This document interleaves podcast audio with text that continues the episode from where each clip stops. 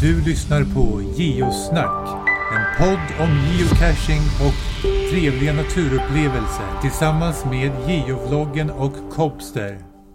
Jag önskar er välkomna. Jag kan väl börja med mig själv lite kort och presentera mig. Vem är jag? Vad och så vidare. Jag heter Geovloggen inom geocaching. Har cachat sedan, vad blir det nu, 2010. För ett par år nu. Och jag har tagit runt en 8000 cacher på de åren. Började väl liksom dela mitt äventyr på Instagram där för många, många år sedan och sen gick det över till Youtube men där tog jag en paus ett par år tillbaka och sen så nu har jag en nystart på det. Vi Se hur det går. Lite kort om mig. Ja, eh, och jag då? Jag är ju kopsar och började, jag tror jag började aktivt runt 2012 eh, men varit introducerad någon gång 2011 tror jag. Eh, men sen efter det stora FAD-eventet 2013 så la jag av. Eh, men eh, sen nu den här sommaren så har jag blivit mycket mer aktiv igen och snart 400 cacher hittade. Så jag har inte varit lika aktiv som geovloggen. Men du håller i. Ja, jag håller i. Jag är ganska aktiv just nu. Och det är det som är så skönt med den här sporten. Man, det blir lite vad man gör det till. Ja, så, så är det. Det är liksom upp till dig hur du vill göra. Om man gillar mystar eller traddar. Vi kommer gå in lite mer på vad, det, vad de olika sakerna är för något. Men ska vi börja lite kort om vad geocaching är då och hur det startar och så vidare. Har du någonting om det här kompisar? Geocaching kom ju till när Amerika, USA bestämde sig för att slopa det här GPS-systemet eller den här GPS-spärren de hade gentemot GPS och eh, satelliter.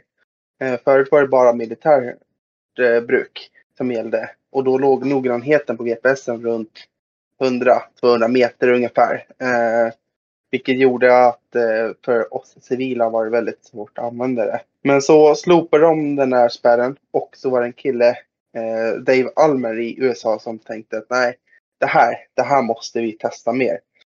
Så att han beslutade sig för att eh, gå ut i skogen i Oregon, för att, eh, ja, i en skog där i alla fall. Och placerade ut en hink med lite värdesaker, böcker och pokaler, lite smått och gott. Som han sen eh, mätte ut koordinaterna och publicerade på ett eh, webbforum. Eh, och så sa han i princip den som hittar får ungefär. Ehm, men det tog inte alls lång tid innan någon hade hittat den här hinken. Eh, jag tror det tog mindre än 24 timmar så hade någon hittat den. Och det, folket som hade letat tyckte det var så kul. Och började gömma egna burkar. Och där föddes eh, grejen med geocaching som inte hette geocaching från början. Jag kommer inte ihåg vad det hette. Men eh, geocaching föddes fram på den resan. Ja, det, det hette någonting med the, GPS Dash Mailing List. Ja, ja, men precis. Exakt. Och sen så registrerade han geocaching.com då och då start där startas det upp. Sen spreds det väl med världen då. Det är den första cachen i Sverige tror jag från 2001 om jag minns rätt. Den är fortfarande aktiv i Stockholm. Mastash tror jag den heter. Den. Sen är det någon med som i Göteborg, American någonting. Mm. Där har vi lite historia om det då. Eh, för, för, att skapa konto så går man helt enkelt in på geocaching.com och sen står det högst upp bara skapa konto. Sen är det bara att döpa sig till något vettigt. De här, det här namnet går att ändra i efterhand sen. Jag har bytt namn. Jag vet många andra som har bytt namn. Det, yes. det är inga problem. Det, det är bara ja, att byta. Eh, men jag har, jag har en liten lista på saker man eh, som nybörjare som kan vara bra att ha. Det, det är som geologen sa. Mobiltelefon. En grej som också är bra är en powerbank och laddare.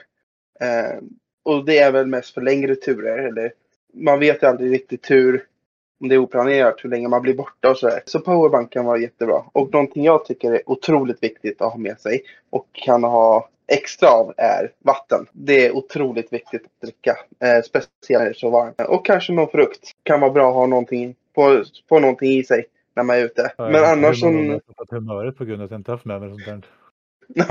Får jag flika in och fråga en sak? Ja. Ja. Jag tänkte kolla med ja. GPSer, vad säger ni om det? Vanliga frilufts-GPSer? Mm, eller ja, de som är kända till geocache. Jag, jag har inte själv använt någon. Du, du är bekant med det? Ja, jag, jag har börjat använda det lite smått och jag har börjat gå över till telefonen mer. Eh, GPS använder jag bara när jag har planerade rutter. Eh, som jag vet att jag ska åka långt. Och då brukar jag kolla kartan och ladda ner eh, koordinater till GPSen. Eh, man har spontan caching eller om man är i närområdet och sådär så brukar jag använda telefonen. Eh, och det är jätteolika åsikter kring GPS eller mobil. Jag brukar använda båda. Eh, för ibland så brukar telefonen krångla i skogen och då brukar GPSen funka lite bättre. Eh, men det, Ja, det, det det komma till. ja, att men det det hoppar blir, i skogen. Ja, men precis. precis. Och det beror ju liksom på vad man själv vill lägga ner för energi eh, på liksom cashandet. Det där, det där är en, diskussion som har pågått under alla år jag har hållit på. Vilken är, vilken är bäst? Mobiltelefon, GPS eller, eller vad liksom Det så? beror på. G- Mobiltelefoner har ju blivit bättre med åren. Ja, Och de använder egentligen samma teknik i grunden. Om man ska vara lite nördig och gå in på det också. Men så att, ja, vad man föredrar skulle jag säga. Vill man ha en terräng-GPS kan man göra det. Den är ju mer hållbar. ja det är den ju. Mm. Är det inte så att eh, ett GPS kanske är bra om man är mycket ute, typ alltså långt utanför bebyggelse? Eh, Ja, Själv har det- jag ju ingen GPS och aldrig provat med det, men, men eh, jag bor ju i Stockholm så att det är ju ganska bra täckning överallt. Ja, den enda gången jag har problem med täckning var uppe på Kebnekaise. Så, och där är man ju så ofta. Nej, Skulle ni, rekommendera, skulle ni rekommendera att man eh, värmer upp liksom så här kroppen innan man eh, till exempel geocachar om man till exempel ska upp på fjäll eller berg och liknande? Där skulle jag är säga att eh, där behöver du ha lite erfarenhet också. Eh, om du ska på vandringsled och så här. Eh, mitt tips är att du kanske vandrar med en kompis eller en bekant som har som vana att eh, bara så här friluftsvandra. Så att du har lite koll på hur du ska tänka kring sådana leder. Jag flyger bara. Ja, ja, precis. Och där uppe finns inte så mycket geocacher förutom i rymden då. Men det, dit upp flyger du inte. Ja, precis. Och det är sant. Det finns en eh, cache på den här ISS-stationen där uppe. Eller det är sant att det finns en myt om det i alla fall. Har, har ni andra några tips om vad som kan vara bra att ha med sig förutom penna, powerbank, vatten och någonting att äta? Bra skor. Bra skor? Ja. Jättebra. Sen beror, sen det där med utrustning, men den, den listan kan man göra hur lång som helst. Vi kan ägna Ja. en hel kväll åt, åt det. Det får bli ett, an, ett annat tillfälle. Jag skulle ganska- säga handskar är ju ganska bra, eller det beror ju på lite så här, men, men om man inte, ibland hittar man ju saker som är ganska skitiga, eh, eller behöver leta på ställen som är ganska skitiga.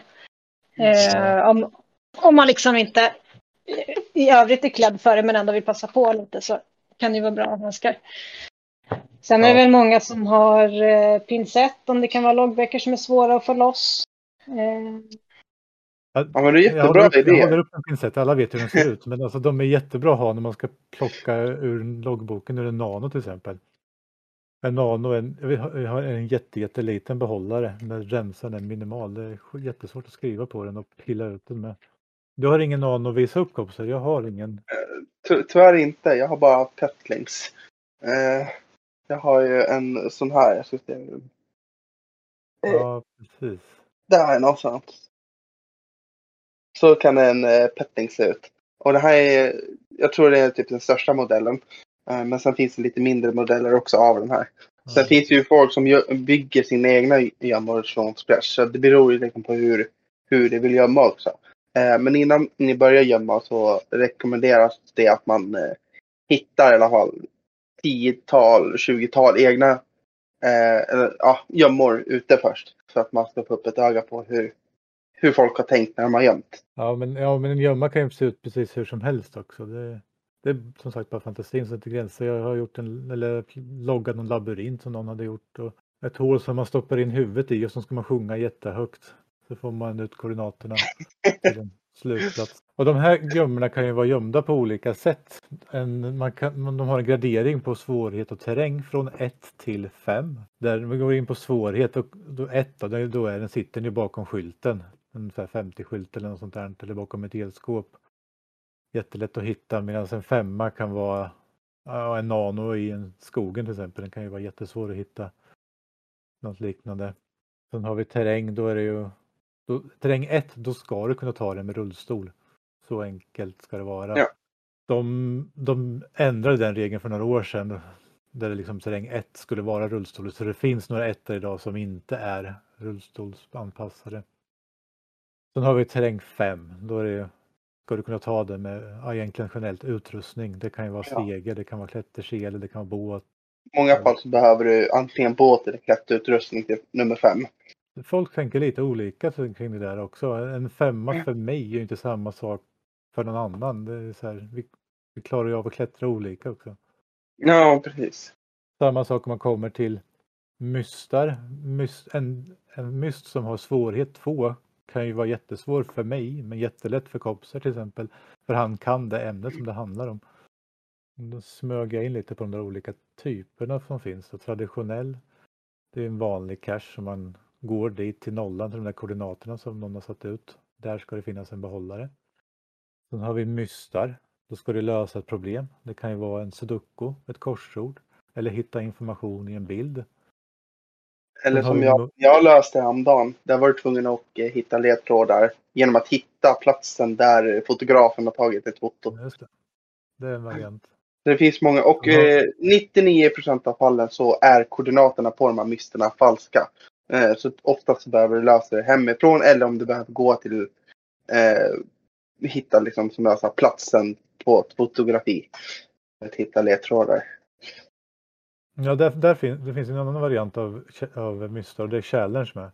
De är Ja, ju på cache-koordinaterna men du måste lösa typ logga Ja, tio det. cacher på en dag eller logga hela kalendern. Sen så Eh, och så har vi sen har vi mystar. Eller vad heter det? Multis.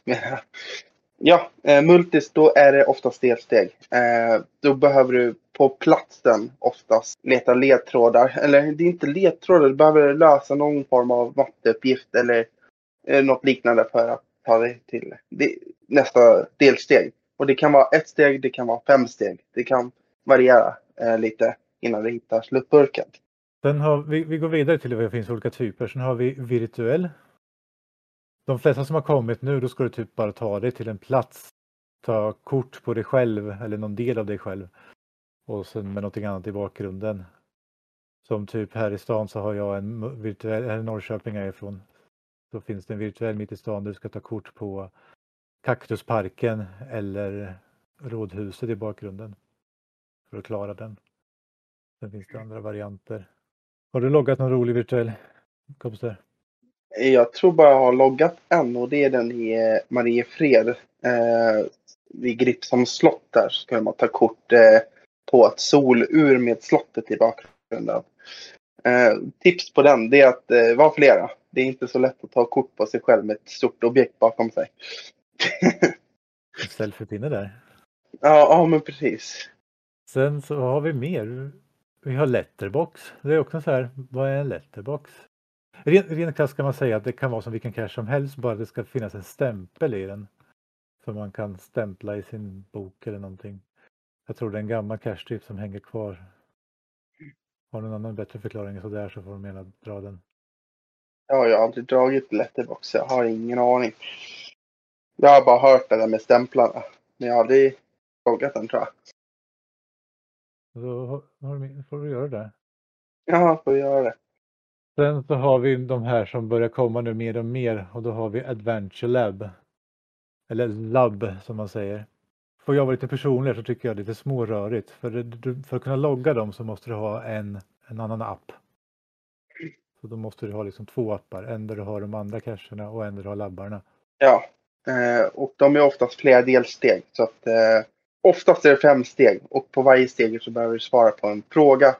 Och för att svara på en fråga måste du stå på liksom själva delsteget. Ibland kan det vara huller om buller, du kan gå i vilken ordning som helst. Eh, eller ibland så kan det vara att du måste gå en specifik ordning. Och du får liksom en loggad cache per delsteg. Det var jätteförvirrande för mig när jag helt plötsligt hade mer än vad jag visste att jag hade loggat. Sen kan Eh, att de här fem delstegen leder till en myst. Till en vanlig myst så att säga. Ja, jättebra att eh, Krona nämnde det. Eh, det finns premiumskap man kan köpa. Så de flesta av de här delstegen som jag har nämnt behöver vi, eller eh, typerna som jag har nämnt, så behöver du ha premium. Som gratismedlem så kan du få tillgång till traditionella som har max 1,5 i svårighet och terräng. Tror till och med 2. 1,5 eller 2. Jag kommer inte ihåg. Något av dem. Eh, men resten. Eh, ja, precis. Eh, 2. Ja, jag tror- det är 2-2. Två i terräng och två i Ja, precis.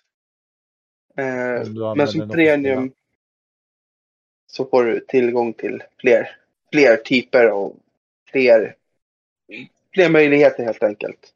Och även labcacherna är ju premiumskap som gäller tyvärr. Sen har vi Earth Cache. Där du tar, tar dig till en plats och så ska man kolla kanske på hur, hur formationen är på berget på den där platsen. Beskriva hur stenarna ser ut och då ska man skicka det till CEO och liksom förklara. Hur, hur ser stenarna ut och formationen och, och så. Ta en kort på dig själv på den här platsen. Så antingen kan det vara så att du måste vänta på att få svar från CEO innan du kan logga den. Eller så kan det vara så att du kan logga den ändå. Så hör CEO av sig. CEO betyder cash Owner. För de som inte vet. Ni får hojta om vi säger några förkortningar som ni inte förstår. En annan ganska sällsynt typ är webcam.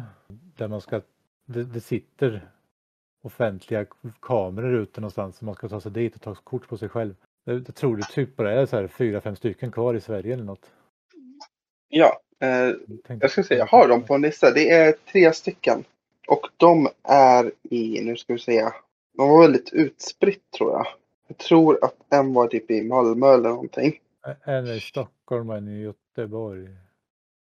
Uh, nu ska vi se. Ja, precis. Göteborg, Mora. Och så har vi en eh, i Stockholm, precis. Ja, Så det, det är tre stycken eh, kvar. Det har va- varit mycket fler en gång i tiden, men de flesta har ju lagt ner och arkiveras. Vi kan nämna lite kort om de olika eventen som är också. Det är vanliga event och sen finns det mega och giga. Så vanliga event är ganska små event och sen mega är större och giga är ännu större för att göra en enkel förklaring. av Ja. Ni som är nybörjare så kan jag rekommendera er starkt att gå på de här eventen som finns lite runt om. Det finns ganska många i Stockholm just nu. Ja, Sito har vi också. Jättebra. Just det, Sito har vi också. Ja. Och eh, Sito står för Cash in, trash, eh, trash out. Alltså man plockar alltså skräp i samband med att man geocachar.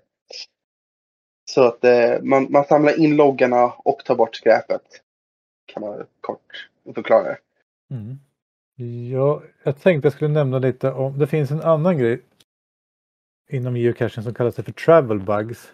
Här har vi en bil med en bricka och på baksidan på den här brickan så finns det en tracking-kod som man kan skriva in så kan man följa att man har sett den och så kan man följa sin TB travel bug vart den reser någonstans i världen. Jag har en annan här.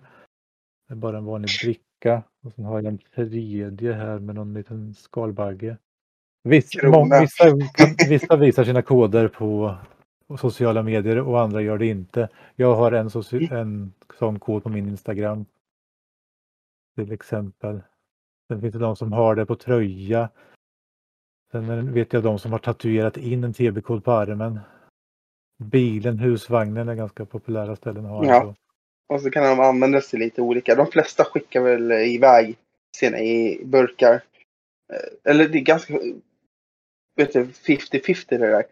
Vissa skickar Ja. iväg i burkar och har ett mål. Medan andra vill, eh, som jag, har ett eh, så kallat geocoin. Ungefär som en travel bug.